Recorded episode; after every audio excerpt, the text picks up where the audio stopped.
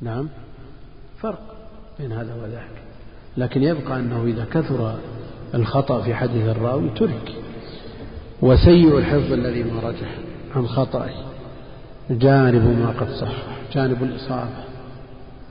ترجح الخطأ على جانب الإصابة. وهذا الخطأ لا يخلو من حالين إما أن يكون ملازما له. ملازما له. الخطأ ملازم له. من ولادته ونشأته إلى أن يموت. هذا له حكم. أنتم تسمعون كثير من الناس مبتلى بالخطأ. بعضهم يصعب عليه أن يركب جملة واحدة صحيحة ويقولها بسرعة. بعض الناس. نعم. هذا موجود. لكن هؤلاء ما من عامة الناس. لا يحملون العلم ولا يؤخذ عنهم. وخطأهم إن شاء الله مغفور لأنه غير مقصود.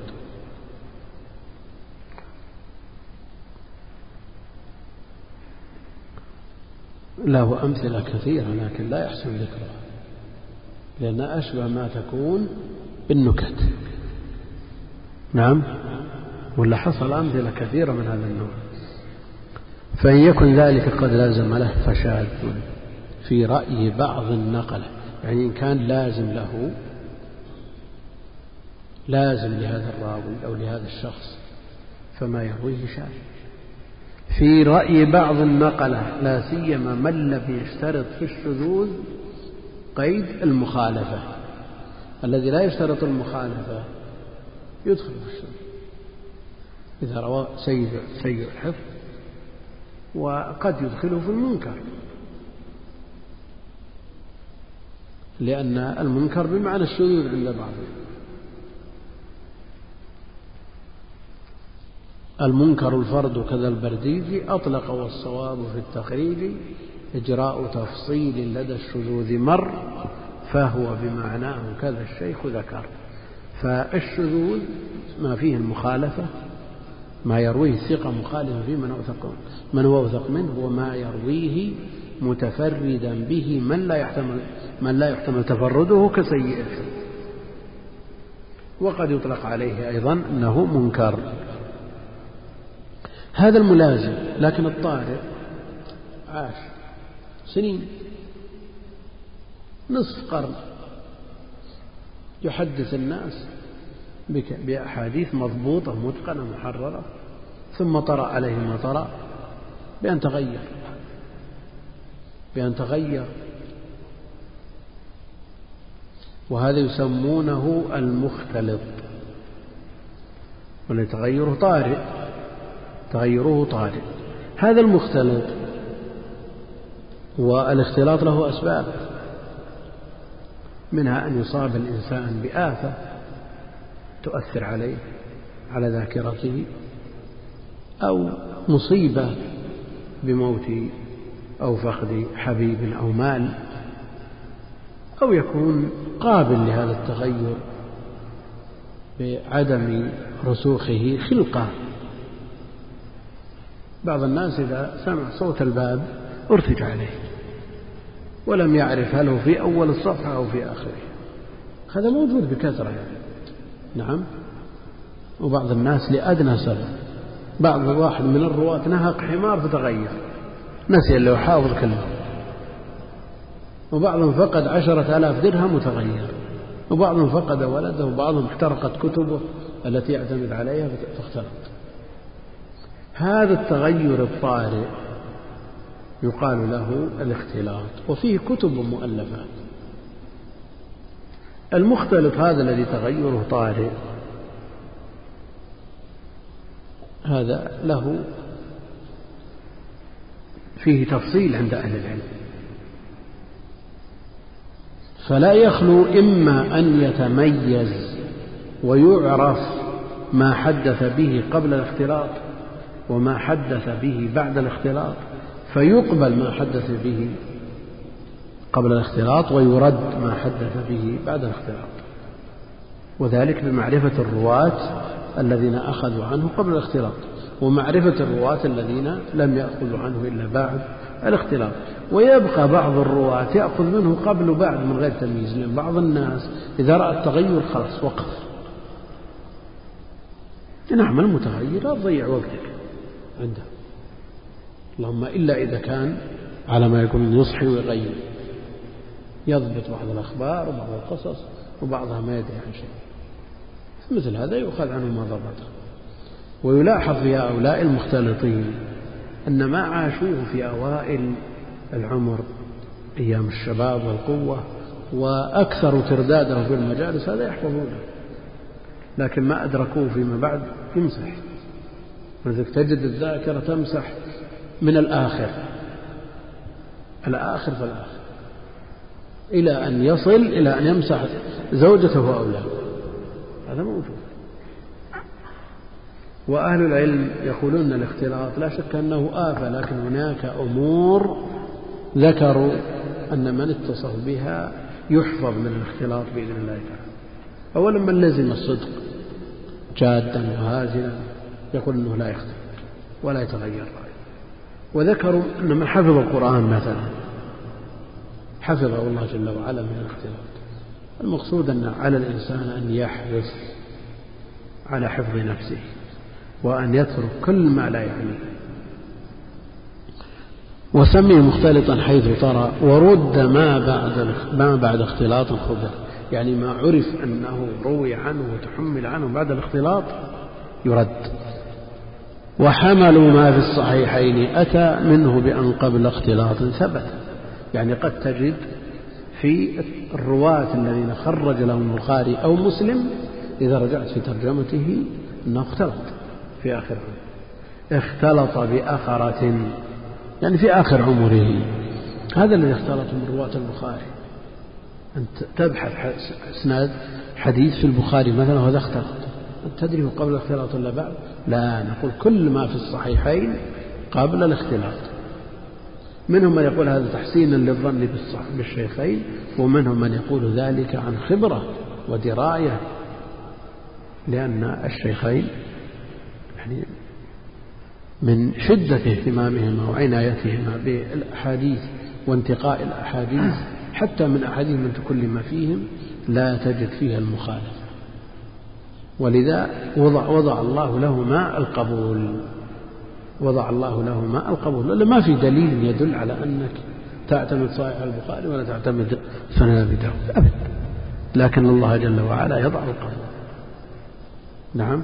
وقل مثل هذا إلى يومنا هذا. تجد بعض العلماء تجد عنده تجلس عنده دارس درسين عشرة دروس ما تسمع جديد. ومع ذلك الناس يتقاتلون عليه. من الذي يضع القبول؟ لا الله سبحانه وتعالى. وهذا مداره على الإخلاص. هذا مداره على الإخلاص.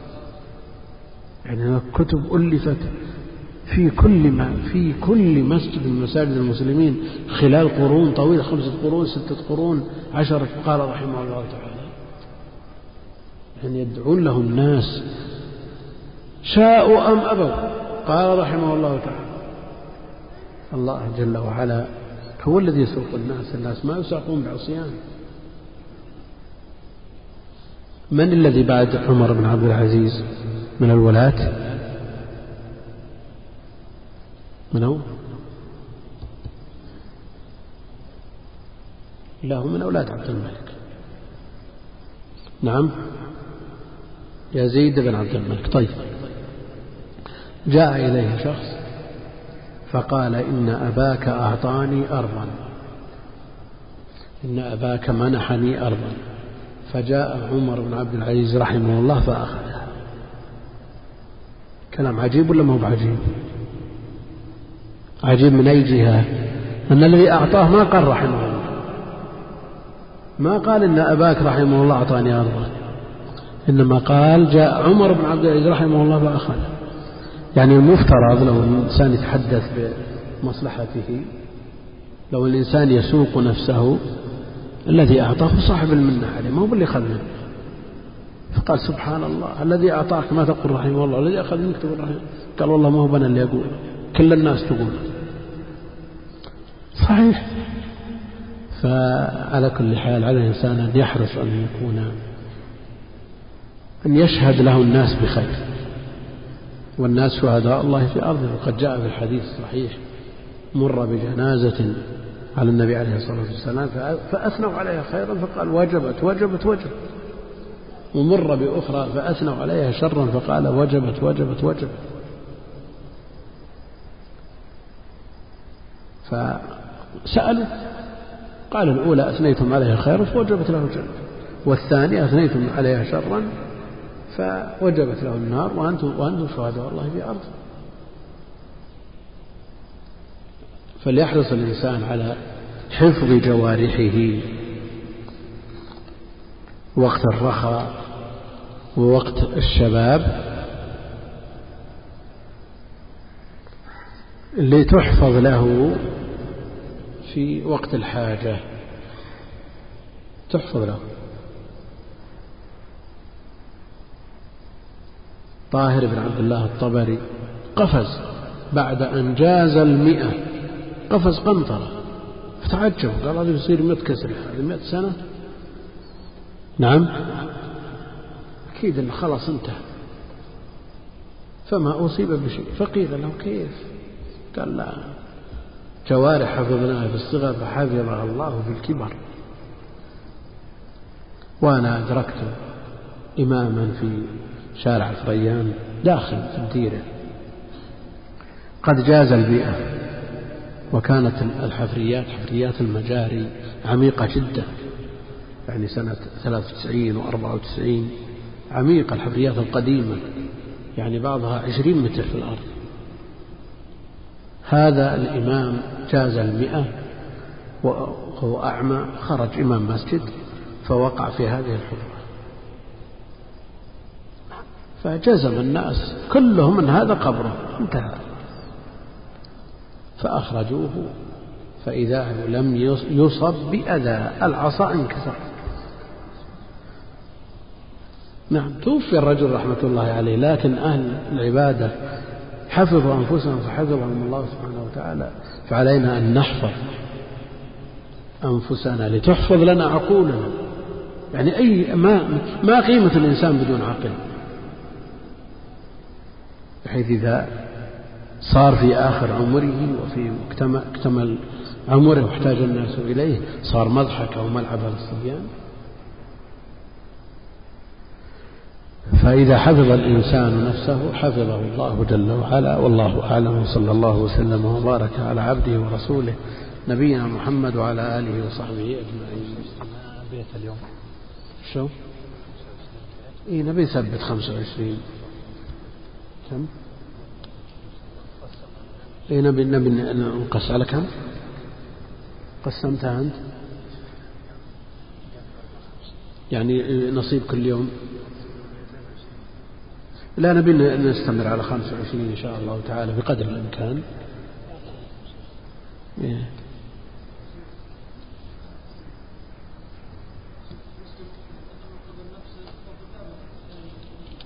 كيف؟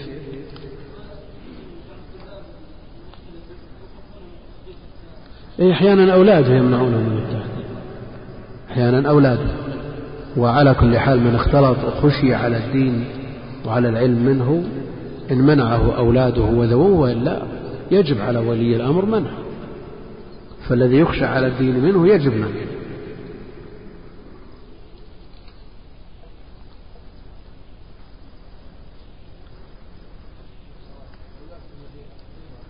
كيف؟ على كل حال منهم من يرى أن رواية العبادلة عنه أقوى من غيرها أقوى من غيرها والمرجح عند كثير من أهل العلم تضعيفه مطلقا لأن في ثلاثة عشر قول للمضاعفين من الأئمة على أن ضعفه ليس بشديد يقبل الانجبار. يقول كيف يتدرج طالب العلم في علم أصول الفقه وما هو الأنسب حفظ الورقات أو نظمها أولا الورقات هي اللبنة الأولى في تأسيس وتأصيل هذا العلم ثم يبني عليها.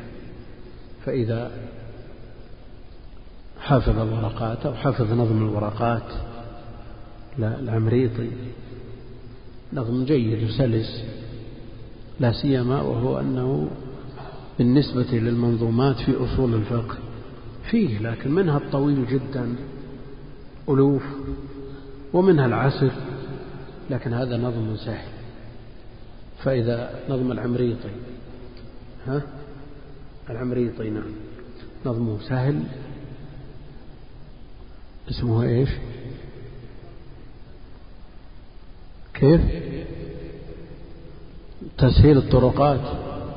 أو إيش؟ إيه. وهو مشروح أيضا.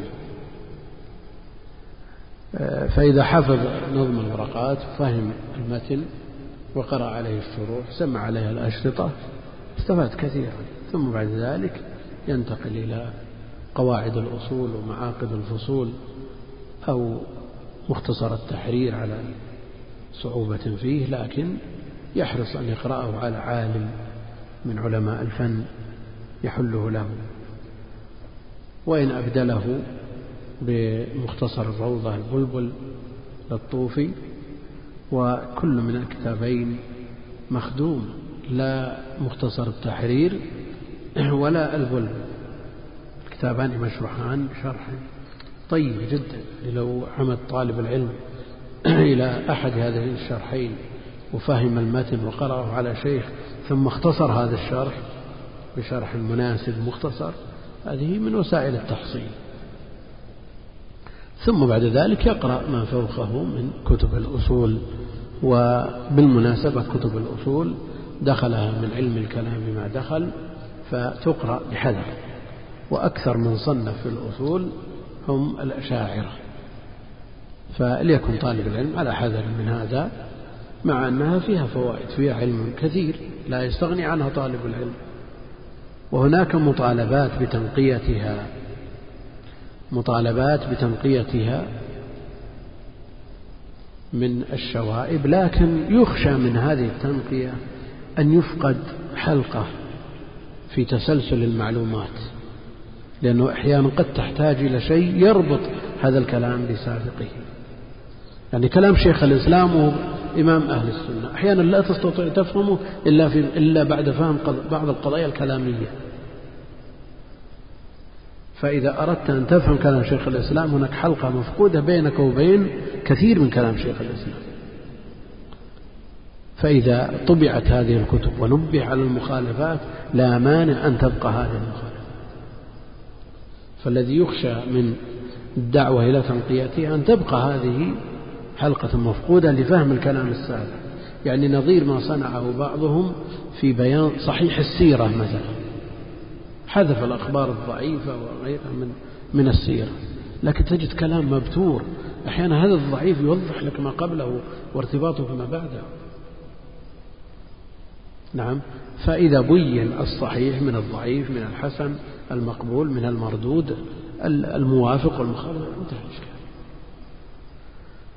لا سيما وأن هذه الكتب مضى عليها عقود والناس يتداولونها من غير نكير وأفادوا منها وتعاملوا مع نصوص الكتاب والسنة على ضوئها يعني هناك دعوة لاهتمام طلاب العلم برسالة الإمام الشافعي.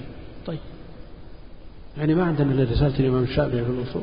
ما يصفي لنا إلا رسالة الإمام الشافعي والمسودة لآل تيمية. يعني ما تشمل جميع الأبواب الأصول. ولا تفرق تفريقات دقيقة من خلال الأمثلة. التي يحتاجها طالب العلم.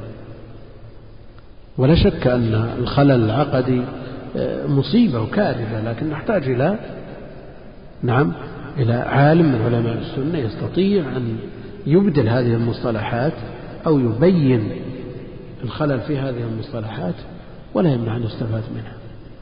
وإذا أردنا أن لا نأخذ من العلم إلا ما صفى يمكن ما يصفي لنا شيء. ما الذي يصفي لنا من تفاسير القرآن؟ ما الذي يصفي لنا من شروح الأحاديث؟ يعني نحتاج نختصر على ابن كثير وشرح ابن رجب وانتهى الإشكال. والباقي؟ يعني لم تستفد الأمة من التفاسير الكبيرة على ما فيها؟ لكن يبقى أن طالب العلم مبتدئ يحذر من الكتب التي تشتمل على بدع لا بد أن يحذر هذا ويحذر من هذا. وإذا تجاوز مرحلة ينصح بقراءة بعض الكتب التي فيها الشيء اليسير لكن التي فيها الطوام يبقى التي فيها الشبه لا يقرأها حتى يتأهل ويتمكن.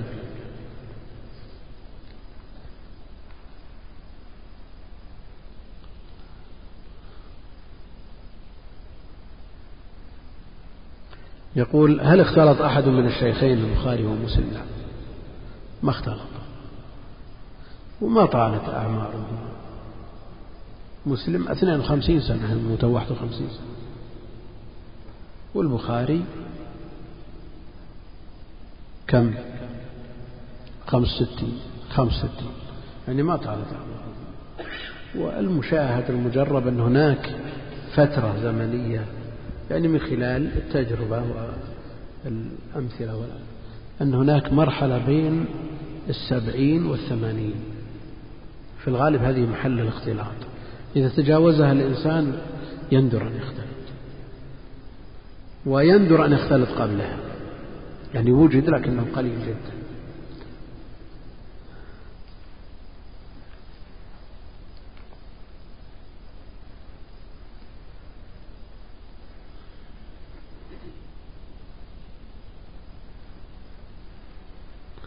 هذا يقول ما أول كتاب قرأته كله من أوله إلى آخره.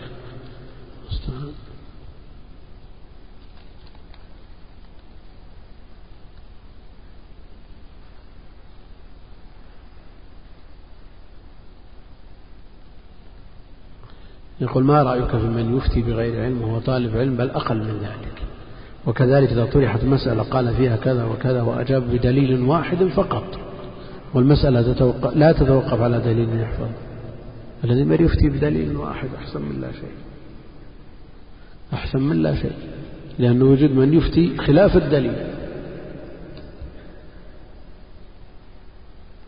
يقول هل هناك شرح مطبوع اللؤلؤ المكنون؟ نعم فيه شرح اسمه اسمه المسلك الواضح المأمون لشرح اللؤلؤ المكنون. للدكتور حافظ بن محمد الحكم.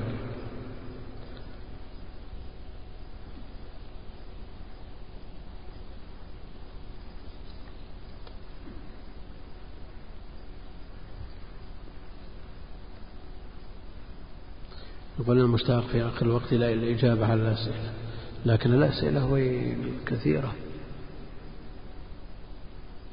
يقول ما أفضل شروح ألفية العراقي وأيهما أفضل ألفية العراقي من ألفية السيوطي أولا ألفية العراقي بعد مقارنات طويلة أفضل بلا شك من ألفية السيوطي بلا شك أنها أفضل.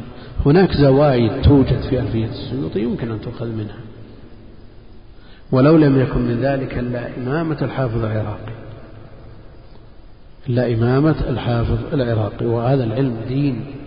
فانظر عمن يأخذ تأخذ دينك. والسيوطي عنده مخالفات كبيرة عنده تخريف في كثير من المسائل.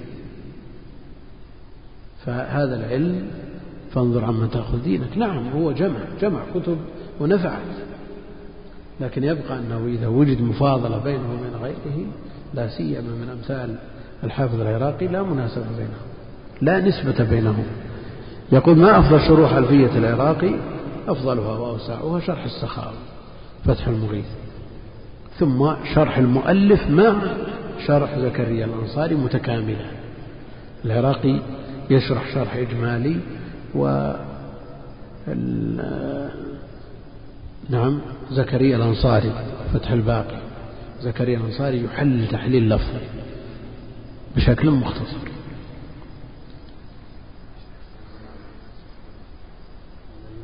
لا حقيقي صدرك على السابق شو؟ يقول الأخير يستدرك على الأول. لا بد لا بد أن الأخير يستدرك على الأول. وكل واحد يقول فائقة ألفية فلان. والسيوطي يقول فائقة ألفية العراقي في الجمع والإيجاز والاتفاق. نقول فيها أنواع زائدة تؤخذ منه ويبقى أن الأصل ألفية العراقي. ولذا تجدون في تراجم أهل العلم من تأليف هذه الألفية. في كتب التراجم إلى يومنا وكل منهم يقول حفظ ألفية العراق كما يقال حفظ العمدة وحفظ ألفية بن مالك. فهي من المتون المتينة التي ينبغي أن يعنى بها طالب العلم.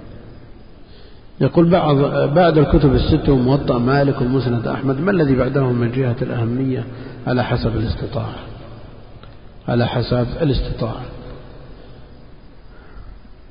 بعد الكتب الستة. وموطأ مالك ومسند أحمد. عندكم الصحاح الثلاثة. صحيح ابن خزيمة صحيح ابن حبان مستدرك الحاكم. وكل الصيد في جوف الفرار. سنن البيهقي. هذا يكاد أن يكون محيطا بالسنة. فعلى طالب العلم أن يعنى به بعد أن ينتهي من كتب الستة والموطأ والمسند وغيرهما. السنة الكبرى. كتاب عظيم لا يستغني عنه. نعم. الدارمي متن لا شك أنه متين ومن الكتب المتقدمة حتى جعله بعضهم سادس الكتب. يرى بعضهم أنه سادس الكتب. هذا قول. قبل من ابن طاهر الذي جعل ابن ماجه السادس. نعم. وقبل رزين العبدري وابن الأثير الذي جعل السادس الموطأ.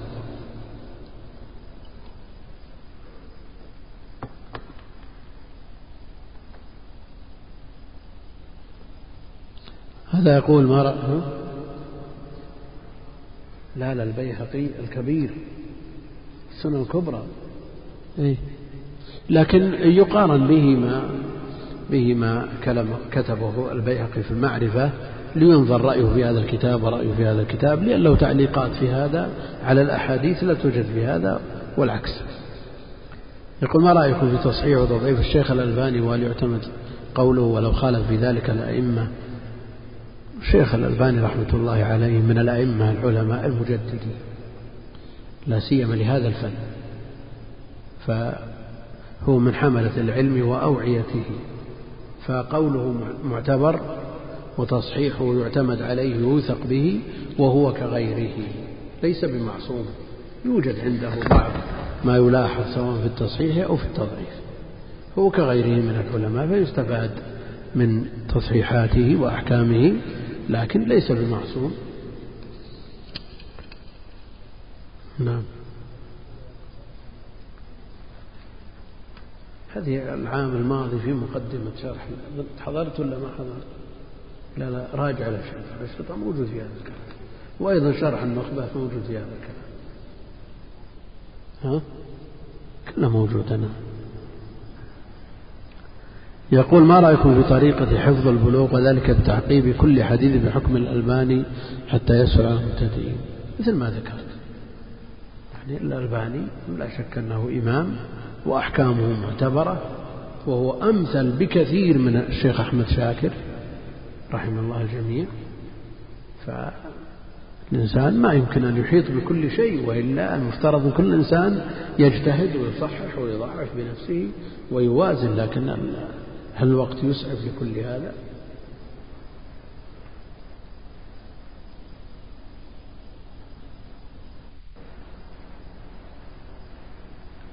يقول ما رأيكم بأن يجعل الطالب في أول طلب خمس سنوات حفظ القرآن والمتون العلمية كالبلوغ والزاد والنخبة والألفية وغيرها ولا يطالع غيرها وشروحها حتى يتأصل ثم يقرأ بعد ذلك كتب شيخ الإسلام وابن القيم وغيرها.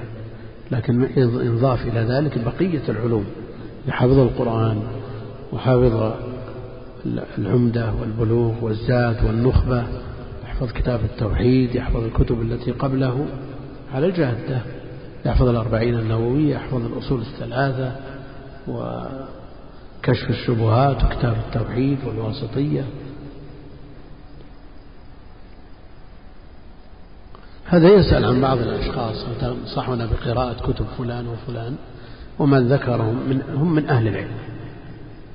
هم من أهل العلم لا سيما علم الحديث. فعلى الإنسان أن يستفيد من من أهل العلم. ويأخذ ما عندهم من علم ويقتدي بهم بقدر ما يقتدون بالنبي عليه الصلاة والسلام. وإذا لاحظ شيء أو حذر من شيء ووجده واقع يحذر. وإلا فالأصل أن العلماء الأصل فيهم أنهم على العدالة. هذا الأصل كما قرره آه، ابن عبد البر وغيره. فيؤخذ العلم من أهله ويستفاد منهم. إذا كان هناك أمور خارجة عن عن نطاق العلم فيدعها لأنها مما لا يعني. ومن حسن إسلام المرء تركه ما لا يعني. وينشغل بعيوبه وعيوب نفسه عن غيره. لا يسترسل في الكلام في فلان وعلان والجرح والتعديل ومرائك فلان قال فلان أبدا. العمر ما يستوعب لو العلوم المتعلقة بالقرآن ما يستوعبها العلم. فكيف بالسنة التي أعجزت وأعيت العلماء عن حفظها والإحاطة بها والاستنباط منها؟ فكيف بالعلوم الأخرى المساعدة لهذين الأصلين المعينة على فهمهما وهل بقي وقت لعلوم في غاية الأهمية تعين على فهم الكتاب والسنة؟ هناك علوم بعض الطلاب لا يحسب لها حساب وهي تعينه. فيها آه، قصص وأخبار وحكايات وعظية وفيها عبرة وادكار وأخبار أمم وأحوال عالم. ككتب التواريخ والأدب طالب العلم لا بد أن يقرأ مثل هذه الأمور وينصرف عن القيل والقال وما رأيك فلان وعلان اترك هذه الأمور. وما أشار إليه السائل هما فيما أعلم من أهل العلم فيستفاد منهما. وما عليه من أقوال الناس يحذر من فلان ولا من علان. لا من هؤلاء ولا من غيرهم. الإنسان عليه أن يحرص على ما كسبه من حسنات. لا يكون مفلس في يوم القيامة يأتي بأعمال ويتعب وينصب في الدنيا ثم بعد ذلك نعم يوزع أعماله على فلان وعلان. ما له داعي. تدرون من المفلس؟ قالوا المفلس من لا درهم له ولا متاع. فيقول المفلس من يأتي بأعماله في رواية كأمثال الجبال. ذكر من الصلاة والصيام والصدقة والحج وغيرها من الأعمال العظيمة ثم يأتي قد شتم هذا قذف هذا ضرب هذا أخذ مال هذا ثم بعد ذلك صفر. وقد لا يسلم يؤخذ من سيئاته وتوضع عليه. إذا انتهت حسناته فعلى طالب العلم أن يعنى بهذا تم العناية. وإذا كان هناك خلاف في بعض وجهات النظر التي يحتملها الإسلام دعنا من البدع والمبتدع هذه أمور أخرى. مسألة أخرى لكن المسألة كلهم في مذهب واحد. لكن اختلفوا في المنهج وفي كيفية أو في طريقة أو شيء يسير. خلاف بينهم لا يعدو أن يكون يسير جدا. يتفقون في الغايات والمقاصد والأهداف. وعلى عقيدة واحدة ثم بعد ذلك يمضي الوقت في فلان وعلان. على طالب العلم أن يحرص أشد الحرص لتثبيت ما كسبه وما أودعه من أرصدة تنفعه يوم يلقى الله جل وعلا. اللهم صل وسلم وبارك على عبدك ورسولك محمد وعلى آله وصحبه أجمعين. السلام عليكم ورحمة الله وبركاته. سم. بسم الله الرحمن الرحيم. الحمد لله رب العالمين والصلاة والسلام على رسول الله وعلى آله وأصحابه أجمعين. اللهم اغفر لنا ولشيخنا وللحاضرين والمستمعين. برحمتك يا أرحم الراحمين.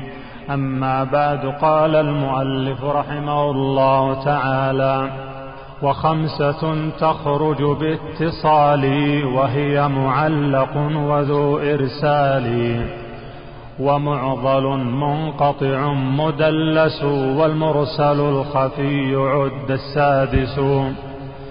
فحيث كان السقط من فحيث كان السقط من أصل السند صنع مصنف فتعلقا يعد. فما يجي في فما يجيء في كتاب يلتزم صحته ثم به الراوي جزم. فاقبله معروفا كنحو أخبرا ونحو قالا وروى وذكرا. وما كقيل وكيروى قد ذكر ممرضا ففيه فتش واختبر ومثله ما جاء ومثله ما جاء بكتب جامعة لذي قبول ولمردود ما. الحمد لله رب العالمين صلى الله وسلم وبارك على عبده ورسوله نبينا محمد وعلى آله وصحبه أجمعين.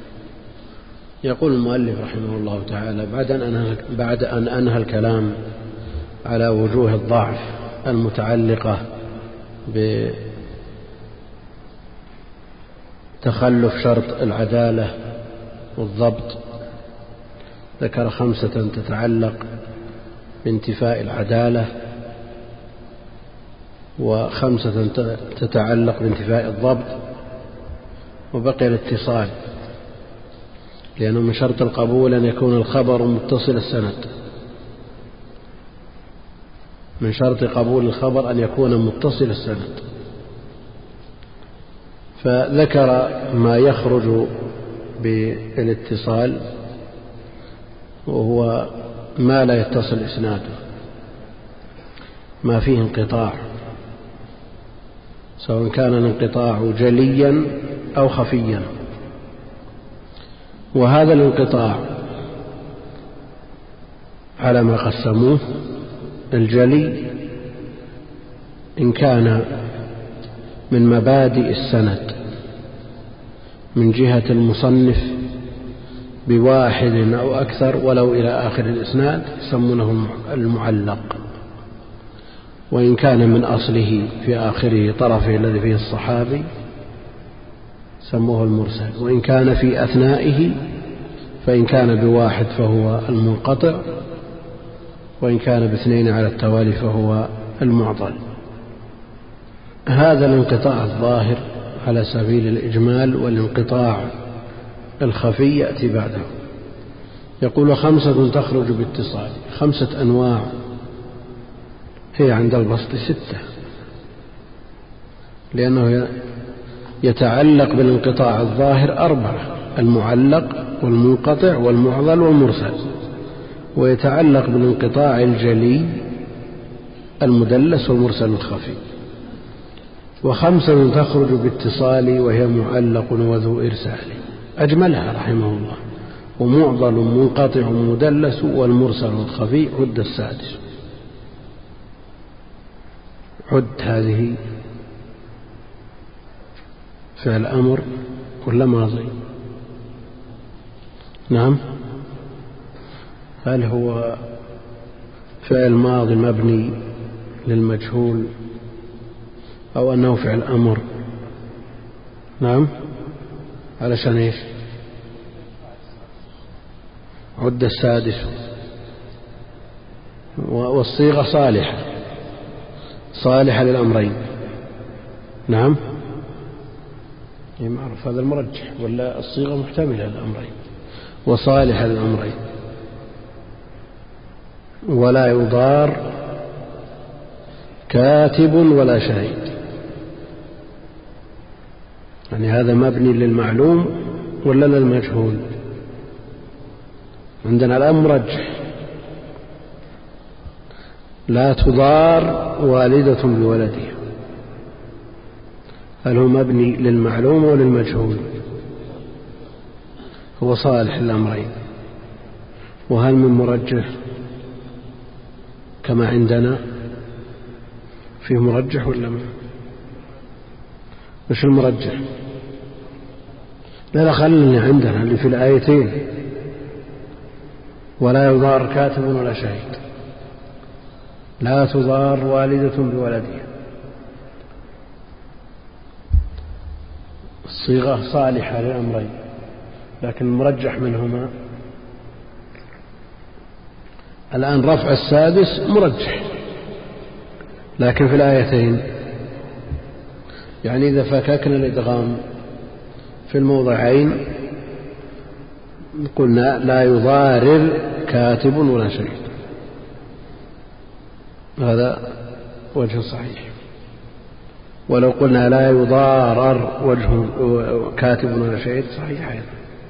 لا تضارر ولا تضار وكلاهما مطلوب. كلاهما مطلوب. الضرر منهي. الضرر منهي عنه من الطرفين. لكن هل يصلح أن يتجه إلى الطرفين بخطاب واحد؟ يتجه الخطاب إلى الطرفين بخطاب واحد؟ يعني استعمال اللفظ فيما يحتمله من معاني يصلح في آن واحد؟ يجوز ولا ما يجوز؟ يجوز ولا ما يجوز؟ يقول عليكم أن تراجعوا راجعوا معلوماتكم ابنوا أسسوا تأسيس صحيح. بمعنى إيه لكن يجوز ولا ما يجوز؟ أو خلاف؟ نعم. يعني لو اثنين كل واحد منهم اسمه محمد وأردت واحدا منهما بعينه فقلت يا محمد التفت الثاني. نعم. وقلت فرصة ما دام التفت هذا جزاه الله خير أعطني الكتاب وأعطني المصحف. كل منهما محمد يصح نداء ولا ما يصح. نعم. إيه. ما يختلف ولا ما في اشكال وين؟ لا هو هو هو نهي هو نهي لكن اللي أورد الاشتراك. نعم. نعم. سبب الاشتراك الصيغة الإدغام. نعم. الإدغام عبارة الحرف المدغم عبارة عن حرفين أولهما ساكن نعم. لكن إذا سلطنا النهي عليها بعد الفك انتهى الإشكال. يقول من يرتدد ومن يرتد. انتهى الإشكال ما في إشكال. لكن إذا إذا إذا فككنا الإدغام في يضار قلنا لا يضارر كاتب فاعل. ولو قلنا لا يضارر كاتب نائب فاعل. ما يتغير الحركة. والضرر منهي عنه في الطرفين. منهي عنه في الطرفين. لكن ما الذي يقصد بهذا النهي.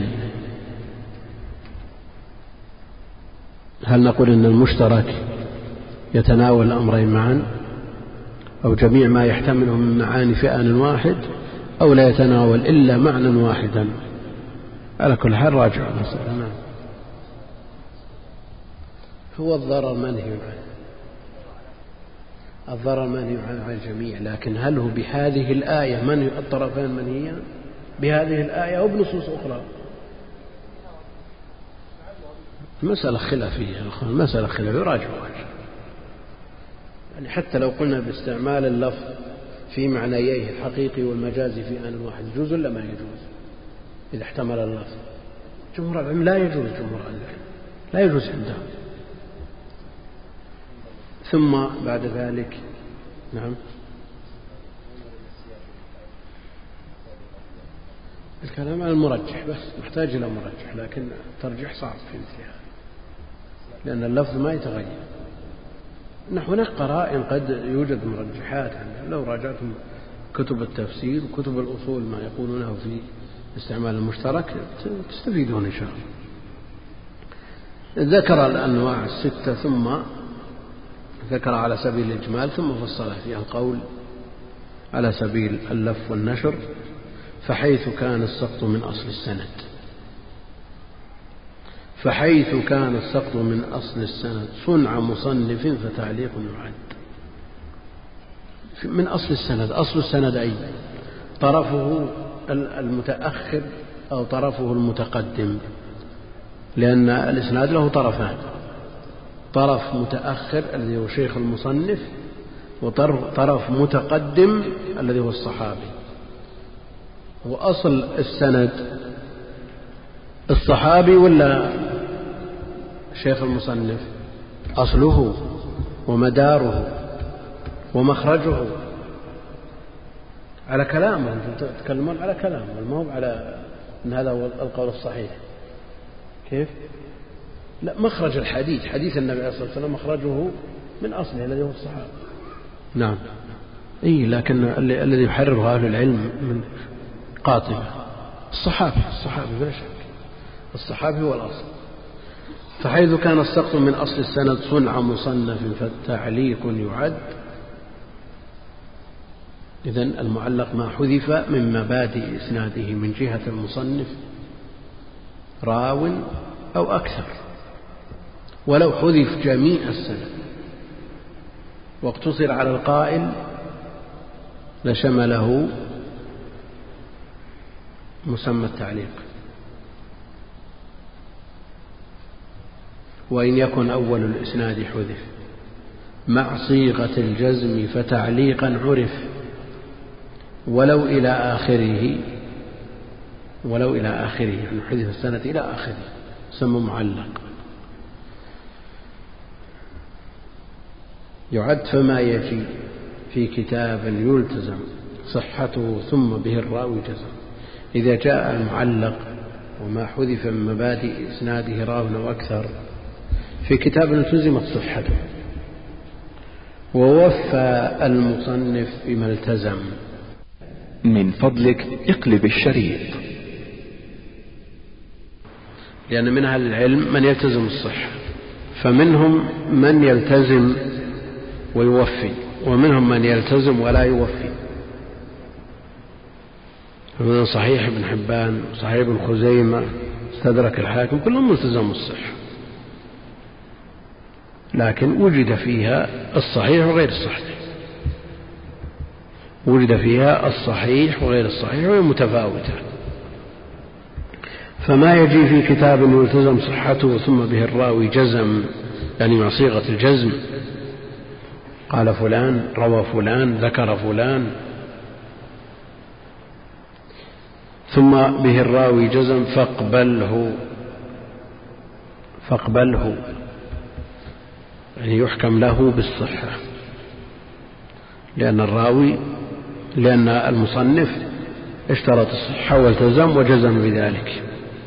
وضمن لك من حذف وضمن لك من حذف من الرواة فاقبله معروفا كنحو أخبر. تمثيل لصيغة الجزم. أخبر فلان. ونحو قال وروى وذكر. هذه صيغ جزم. لكن صيغ التمريض قيل وما كقيل وكيروى قد ذكر. ممرضا ففيه فتش واختبر. المعلقات في الكتب التي التزمت صحتها. البحث فيها بالتفصيل يحتاج إلى وقت لكن نجمل القول في ذلك. أولا صحيح مسلم فيه أربعة عشر حديثا معلقا. أربعة عشر حديثا معلقا. وكلها موصولة في الصحيح نفسه سوى واحد.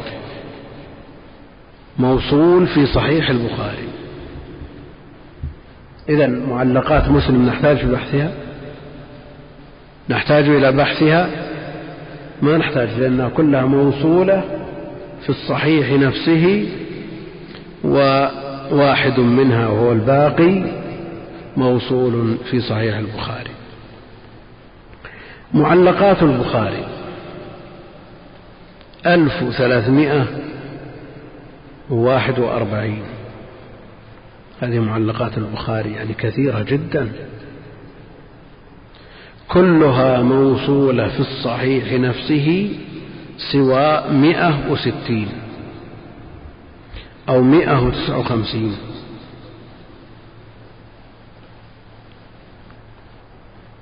نحتاج إلى بحث الألف وثلاثمائة والأربعين وواحد وأربعين.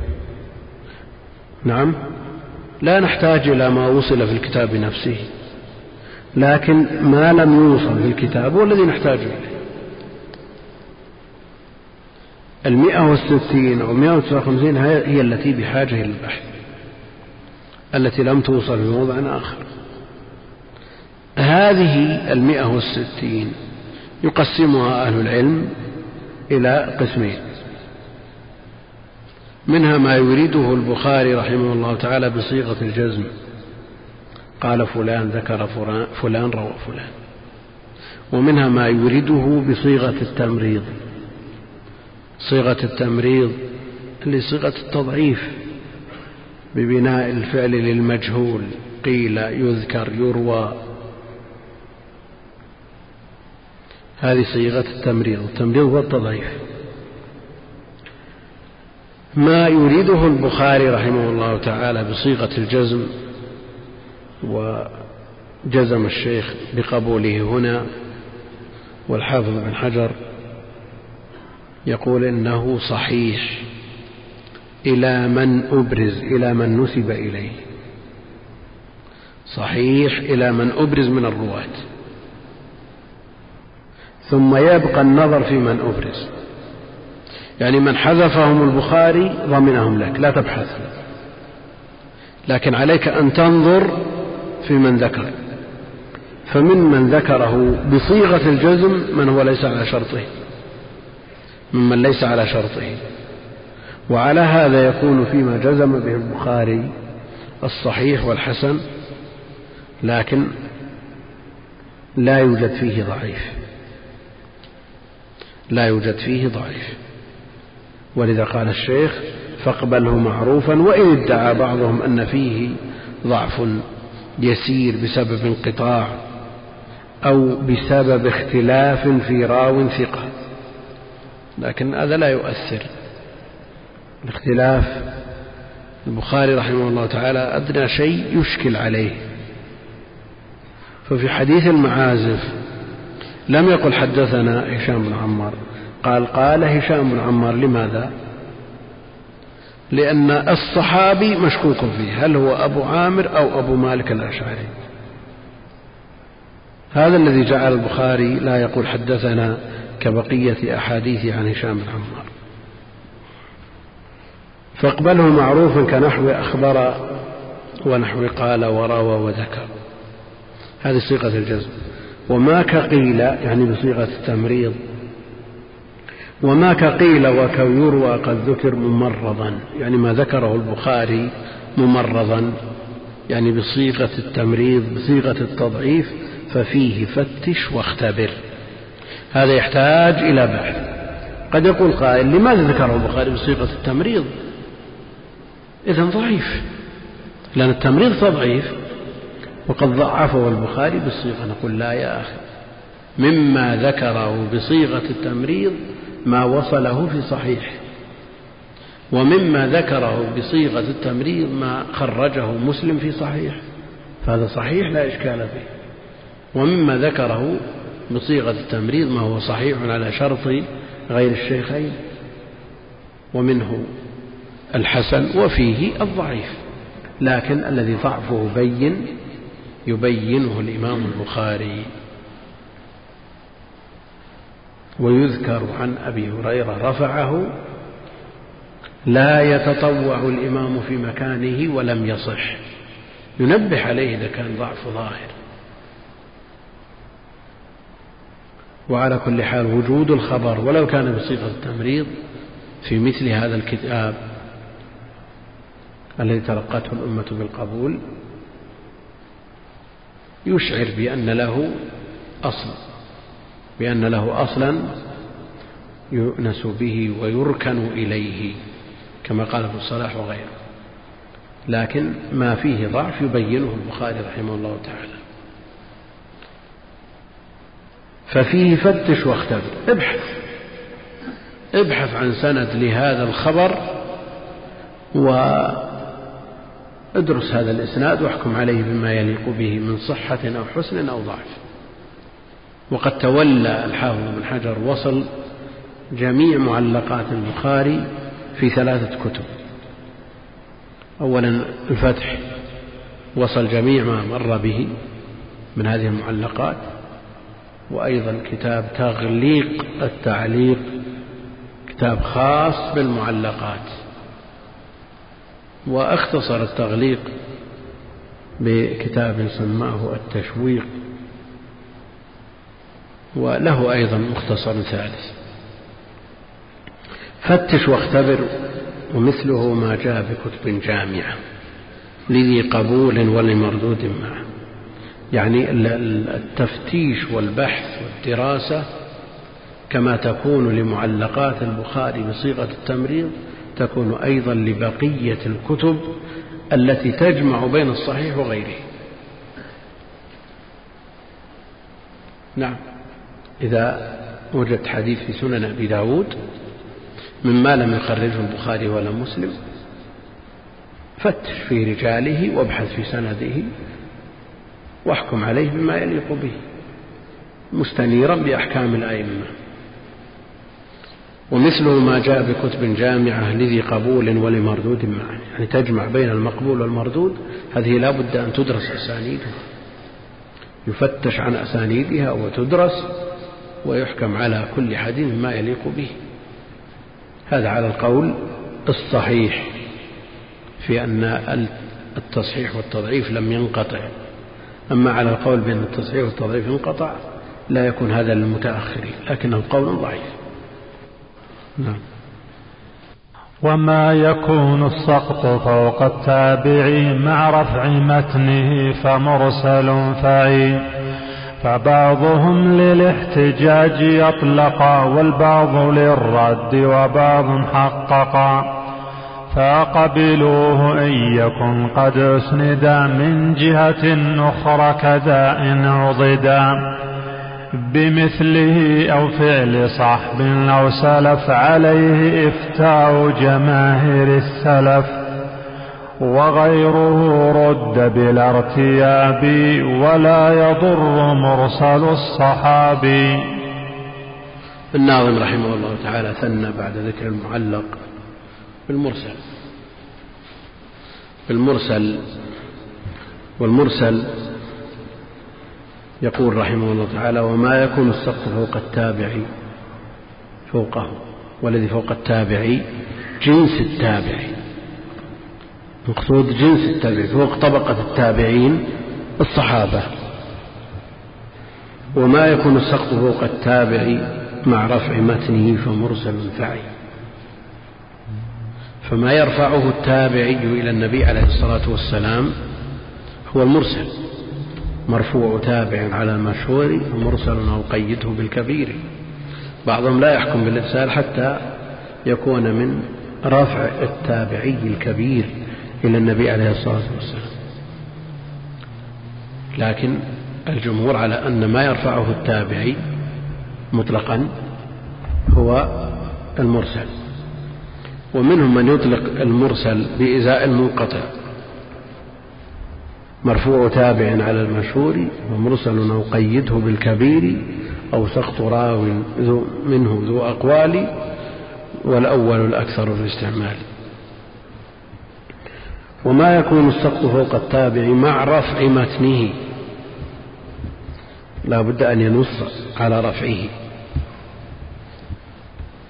عن الحسن رفعه عن سعيد رفعه. عن ابن سيرين قال رسول الله صلى الله عليه وسلم إذا رفعه فهذا هو المرسل فما يرفعه التابع إلى النبي عليه الصلاة والسلام هو المرسل. فاعي فعل الأمر فبعضهم للاحتجاج أطلق والبعض للرد وبعض حقق يعني الخلاف في قبل المراسيل الخلاف في قبل المراسيل. طبري حكى عن التابعين بأسرهم أنهم يقبلون المراسيل مع أن سعيد ينقل عنه الخلاف مخالفة هذا القول ولا يستدرك بسعيد على الطبري لماذا؟ نعم إيه لكن أو غيره لو قال لو قال مثلا أي إمام من أئمة الإسلام نقل الاتفاق ثم وجد من يخالف استدرك به. وهذا لا يقدح في إمامة نعم. شو؟ لا لا لا. تبقى مراسيل. ومراسيل لا يقبل المراسيل. لا لا ما هو مسألة أننا نستدرك على الطبري بمراسيل سعيد. لا نستدرك على الطبري بقول سعيد في رد المراسيل. لأن الطبري يحكي الاتفاق اتفاق التابعين على قبول المراسيل ومعروف عن سعيد أنه لا يقبل المراسيل. فيما حكاه ابن عبد البر في مقدمة التمهيد. فهل يستدرك على الطبري أو لا يستدرك؟ لا يستدرك على الطبري. لكن لو قاله غيره استدركنا. لماذا؟ لأن الطبري يرى أن الإجماع هو قول الأكثر. لا يعني الإجماع قول الجميع. فالإجماع عند الطبري قول الأكثر. ولذلك في تفسيره تقرؤون كثيرا. في تفسيره في الخلاف في قراءة آية. يقرأها الأكثر على وجه ويخالفهم فيذكر قول الأكثر ويذكر المخالف. ومثل هذا الخلاف في معنى كلمة من كلام الله جل وعلا. يذكر قول الأكثر ويذكر قول الأقل. ثم يرجح قول الأكثر ثم يقول لإجماع القراءة على ذلك. وذكر الخلاف نفسه لكنه يرى قول الأكثر إجماع. فلا يستدرك على الطبري في نقله أو في حكايته الاتفاق مع أن سعيد من أئمة التابعين بل هو أفضل التابعين على الإطلاق عند الإمام أحمد رحمه الله تعالى. وإن كان الخلاف في أويس معروف. فبعضهم للاحتجاج مطلقا. قالوا أنه لا يعرف الخلاف في قبول المراسيل إلى رأس المئتين. إلى رأس المئتين لا يعرف الخلاف يعني حتى جاء الإمام الشافعي فرده إلا بالشروط التي أوجدها. ثم بعد ذلك عرف من بعده من الأئمة رد المراسيل. واحتج مالك كذا النعمان به وتابعوهما ودانوا. هذا قول المنسوب لأبي حنيفة ومالك. احتج مالك كذا النعمان به وتابعوهما ودانوا لكن القول الثاني الذي أورده المؤلف والبعض للرد والبعض حافظ العراقي رحمه الله تعالى يقول ورده جماهر النقاد للجهل بالساقط في الإسناد وصاحب التمهيد عنهم نقله. نقله عن الجمهور. الرد. ابن عبد البر. ومسلم صدر الكتاب الصلاة. يقول مسلم والمرسل في أصل قولنا وقول أهل العلم بالأخبار ليس بحجة. فمسلم أصل هذا القول في مقدمة صحيحه. والبعض للرد وبعض حقق يقصد الإمام الشافعي. فقبلوه يعني بشروط. فقبلوه بشروط. بشروط أربعة فقبلوه إن يكن قد أسندا من جهة أخرى كذا إن عضد بمثله أو فعل صحب أو سلف عليه إفتاء. إفتاء جماهير السلف. هذه شروط قبول المرسل عند الإمام الشافعي فقبلوه إن يكن قد أسند. يعني جاء من وجه آخر مسند. جاء مرسلا وجاء مسندا. الآن الشافعي يقول تقبل المرسل لأنه عضد بمرسل بمسند. لماذا لا نحتج بالمرسل بالمسند؟ والمرسل صح أو لم يصح؟ عندنا ما يغنينا. نعم؟ لا الشافعي له ملحظ. لماذا؟ وهو أنه إذا قبل المرسل باعتضاده بالمسند المسند مفروغ منه يكون عنده للدلالة على هذه المسألة. نعم؟ عنده نصان يكون عنده نصان. فقبيله يكون قد أسند من جهة أخرى يعني يرويه يروي المسند غير من يروي المرسل. كذا إن اعتضد كذا إن عضد بمثله بمرسل آخر. أيضا رجاله غير رجال المرسل الأول. أو فعل صحب الشيخ نص على الفعل وأقوى منه القول. نعم. يعني يدعم بفتاوى التابعين بأقوالهم وبأفعالهم. بفتاوى الصحابة. يعني إذا وجد في فتاوى الصحابة من أفعالهم أو من أقوالهم يرتقي المرسل إلى حيز القبول. أو سلف أو فعل السلف على ذلك. يعني قوي المرسل باعتضاده بفعل الصحابة أو بفعل السلف. أو سلف عليه إفتاء جماهير السلف يعني أفتوا به أو عملوا به. هذا يدل على آه، أنه ثابت على أن له أصل وإن كان مرسلا. عليه إفتاء جماهير السلف يعني أن جماهير السلف تلقوه بالقبول وتلقي العلماء للخبر بالقبول كحديث لا وصية لوارث. لا شك أنه أقوى من مجرد كثرة الطرق عند أهل العلم. أقوى من مجرد كثرة الطرق عندهم.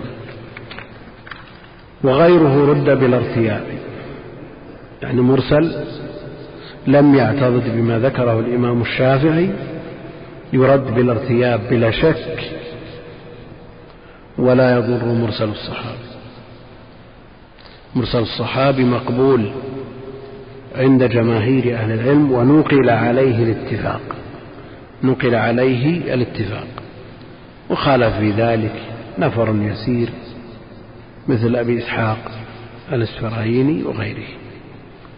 لكن بعضهم نقل على الاتفاق على قبول مراسيل الصحابة. أما الذي أرسله الصحابي فحكمه الوصل على الصواب. أما الذي أرسله الصحابي فحكمه الوصل على الصواب. فمراسيل الصحابة آه، لا يبحث فيها. إذا رفع الصحابي خبرا أو ذكر فعلا عن النبي عليه الصلاة والسلام لا يبحث. والصحابي لا سيما صغير السن أو متأخر الإسلام أو الذي غاب عن حضور قصة أو قضية ثم ذكرها عن النبي عليه الصلاة والسلام حكمها الرافع. لأنه يحتمل أنه سمعها من النبي عليه الصلاة والسلام أعادها له كما في قصة بدء الوحي. تروي عائشة. وبدء الوحي. كم كان سن عائشة في وقت بدء الوحي؟ كم؟ ما ولدت. ما ولدت. ما ولدت وقت بدء الوحي. لكن الاحتمال أنها سمعتها من النبي عليه الصلاة والسلام. في بعض الألفاظ التي تدل. مثل فغطني. هذا من كلام عليه الصلاة والسلام. ترويها عائشة مسندة القول إلى النبي عليه الصلاة والسلام.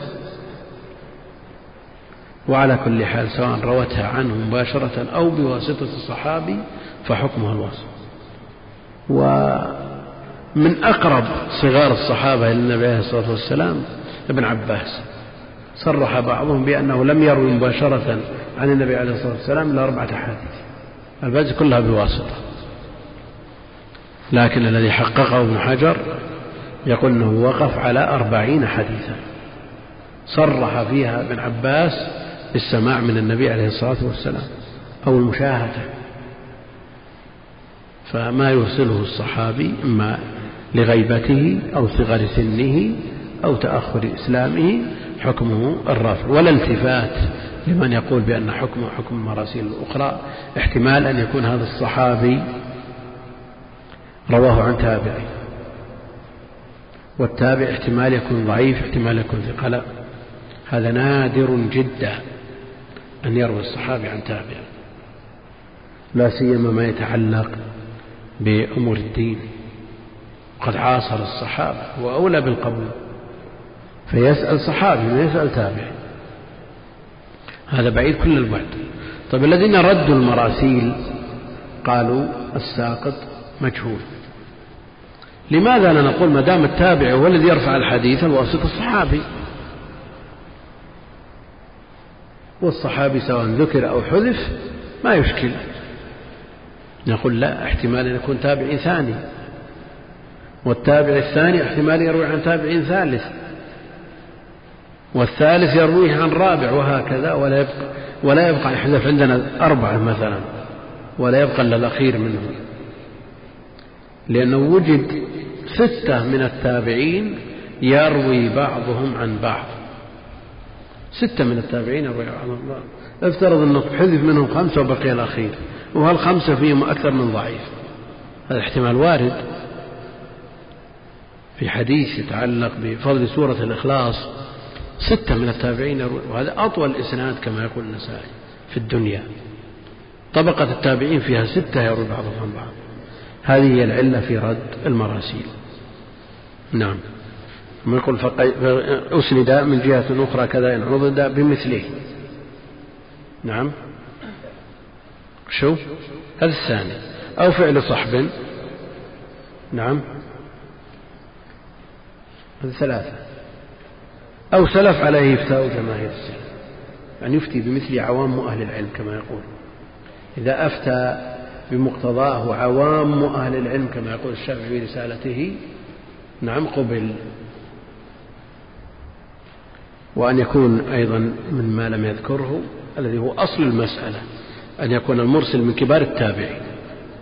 الشافعي لا يقبل مراسيل صغر التابعين أن يكون المرسل من كبار التابعين. وأن يكون المرسل أيضا إذا سمى لا يسمي مرغوبا عن الرواية عنه. وأن يكون المرسل إذا شرك أحدا من الحفاظ لم يخالفه. هذا نص في الرسالة. نعم. وساقط اثنين فصاعدا ولا من وسط الإسند سم معضلا ومنه حذف صاحب والمصطفى ومتنه عن تابعي وقفا.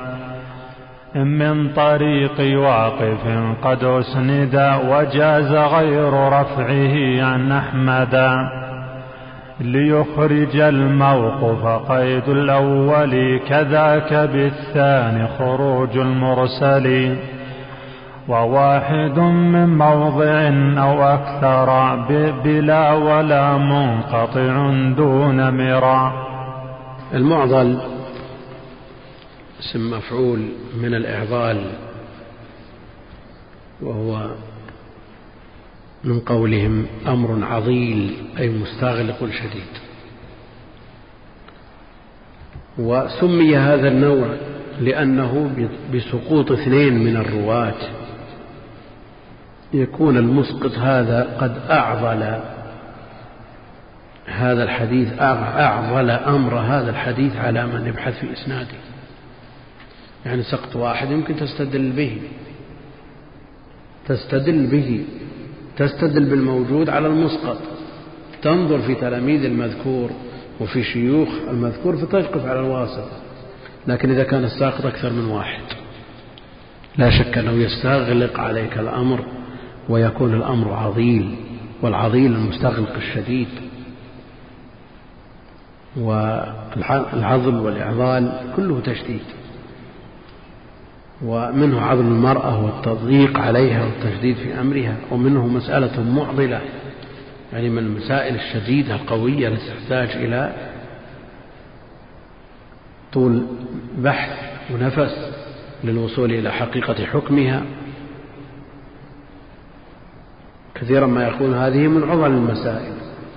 فما سقط منه اثنان فصاعدا مع التوالي من أثناء سنده لا من أوله من مبادئ السند ليخرج المعلق ولا من آخره ليخرج المرسل. لكن إذا سقط اثنان ما يخرج المرسل باشتراط سقوط اثنين؟ نعم. الشيخ يقول وساقط اثنين فصاعدا ولا. يعني على التوالي ولا مقصورة للضرورة ولا أصلها ولاء يعني على التوالي من وسط الإسناد. احترز بقوله بقوله اثنين سقوط واحد الذي هو المنقطع. وعلى التوالي من سقوط أكثر من واحد من أكثر من موضع. ومن وسط الإسناد احترز بذلك عن المعلق لكن ما يسقط المرسل ما يخرج المرسل بسقوط اثنين نعم. يعني هل المرسل ما سقط منه الصحابي أو ما رفعه التابعي؟ وهل بين العبارتين فرق؟ طيب. إذا سقط اثنين من صحابي وتابعي وبقي تابعي ثاني. وش يسمى؟ ولا يريده من باب المعظم مع أنه يأتي بما هو أقرب إلى المرسل من المعضل ويسميه معضل تبعا للحاكم. سمي معضل ومنه حذف صاحب والمصطفى. أقرب إلى تسميته مرسل. يحذف الصحابي فقط التابع موجود لكنه لا يصرح التابعي برفعه إلى النبي عليه الصلاة والسلام. فيقفه على نفسه ومتنه عن تابعي وقف. عن ابن سيرين قال والحديث معروف مرفوع إلى النبي عليه الصلاة والسلام. عن ابن سيرين عن أنس مثلا. أو عن سعيد عن أبي هريرة. عن سعيد قال ثم يذكر كلاما معروف رفعه إلى النبي عليه الصلاة والسلام من طريق أبي هريرة فيأتي من طريق آخر. عن سعيد عن أبي هريرة عن النبي عليه الصلاة والسلام. فيكون في هذه الصورة حذف الصحابي والنبي عليه الصلاة والسلام. وهذا سماه الحاكم معضل لأن فيه حذف الصحابي والنبي عليه الصلاة والسلام. وقال ابن الصلاح إن هذا باستحقاق اسم الإعضال أولى. باستحقاق اسم الإعضال أولى. والمعضل الساقط منه اثنان فصاعدا ومنه قسم ثاني حذف النبي. مع والصحابي معا ووقف متنه على من تبعه. هذا أدرجه الحاكم في المعضل وابن الصلاح يقول هذا باستحقاق اسم الإعضال أولى لأنه بحذف الصحابي والنبي عليه الصلاة والسلام يكون حذف اثنين. إن من طريق واقف قد أسند. هذا الذي وقفه على هذا التابعي وجد عنه من طريق آخر رفعه ذكر الصحابي والنبي عليه الصلاة والسلام. وجاز غير رفعه عن أحمد. وجاز غير رفعه عن أحمد. من أحمد هذا؟ أو النبي عليه الصلاة والسلام أو ابن حجر. وجاز رفع غير رفعه عن أحمد. إيش معنى هذا الكلام؟ يعني يجوز أن ينسب مثل هذا الكلام لهذا التابع الذي يوقف عليه بمعنى أنه يكون للرأي فيه مجال. يجوز غير رفعه إلى النبي عليه الصلاة والسلام. نعم هذا من كلام ابن حجر. لأنه إذا كان مما لا مجال للرأي فيه ووقف على التابعي يكون مرفوع ولا موقوف؟ مرفوع إلى النبي عليه الصلاة والسلام لكن رفعه تابعي فيدخل في المرسل فيدخل في المرسل. يعني هذا الكلام لا يقوله تابع من تلقاء نفسه. ما لا يدرك بالرأي. فمثل هذا حكمه الرفع وكونه يسقط الصحابي ويرفعه التابع إلى النبي عليه الصلاة والسلام يكون حكمه حكم المرسل. حتى التابعي يرفع. إذا صرح بذكر النبي عليه الصلاة والسلام صرح رفعه التابع إلى النبي عليه الصلاة والسلام. ولذا المرسل عندهم مرفوع تابع. وهنا وقف المتن على التابعي لكنه مما لا يدرك بالرأي فله حكم الرافع. فكأن التابعي أضافه إلى النبي عليه الصلاة والسلام. فإذا أضاف التابعي الشيء إلى النبي عليه الصلاة والسلام صار حكمه حكم المرسل. ليخرج الموقوف قيد الأول.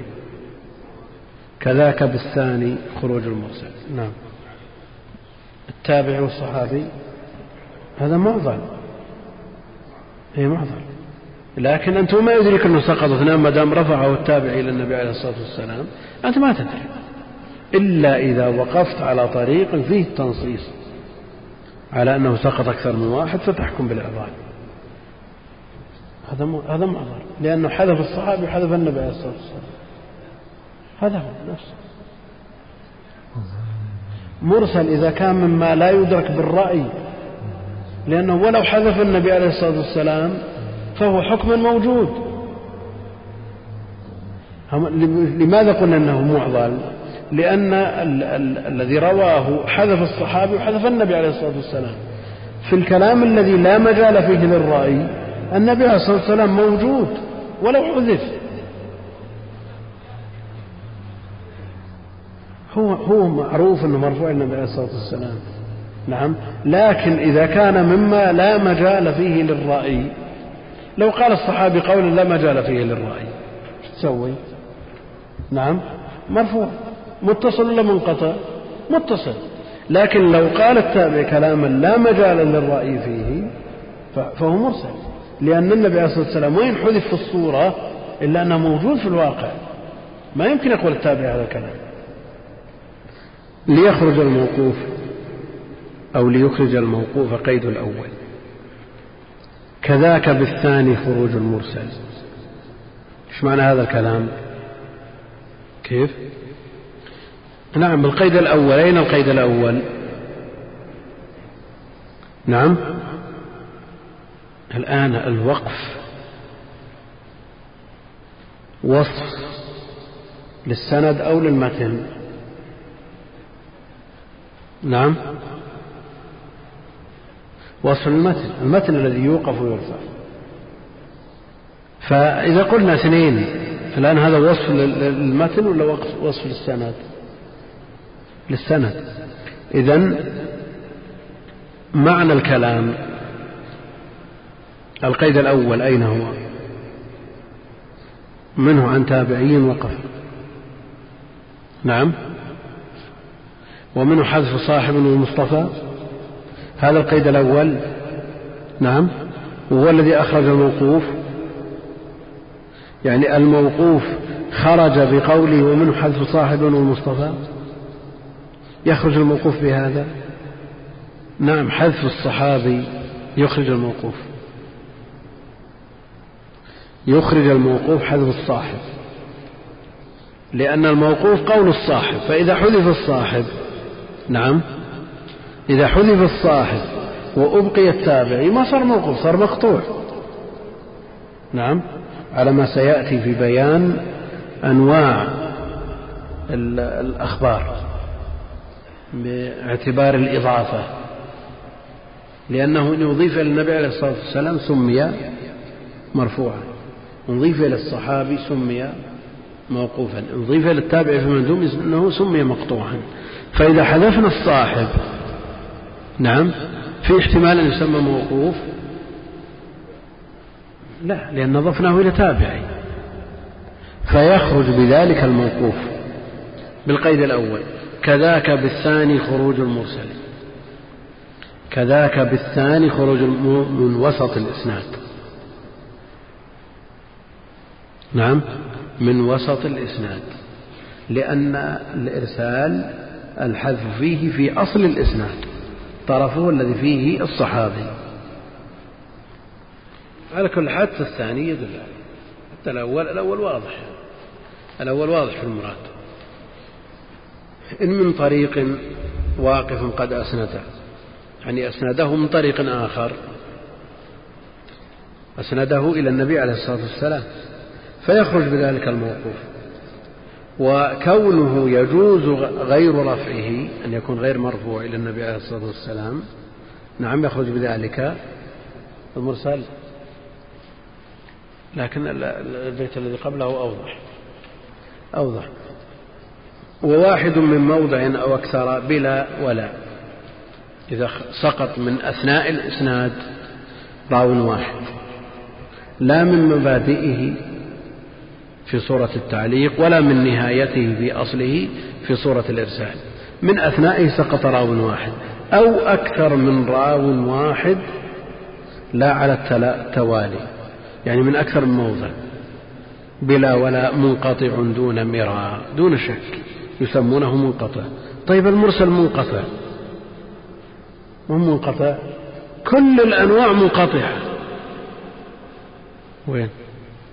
المرسل ما سقط إلا واحد. المعلق ما سقط إلا واحد. الآن وش الموضوع الكبير الذي نبحثه الآن. ما يخرج بقيد الاتصال. صح ولا لا؟ ما يخرج بقيد الاتصال ستة أنواع. طيب ما الذي يقابل الاتصال؟ الانقطاع. إذا المرسل منقطع المعلق منقطع المعضل منقطع. إيش معنى اتصال؟ يعني يكون كل راو من رواته قد رواه ممن فوقه نعم بطريق معتبر. بطريق معتبر من طرق الرواية. إذا انقطع من, من أوله من أثنائه من آخره باثنين ثلاثة كل هذا منقطع.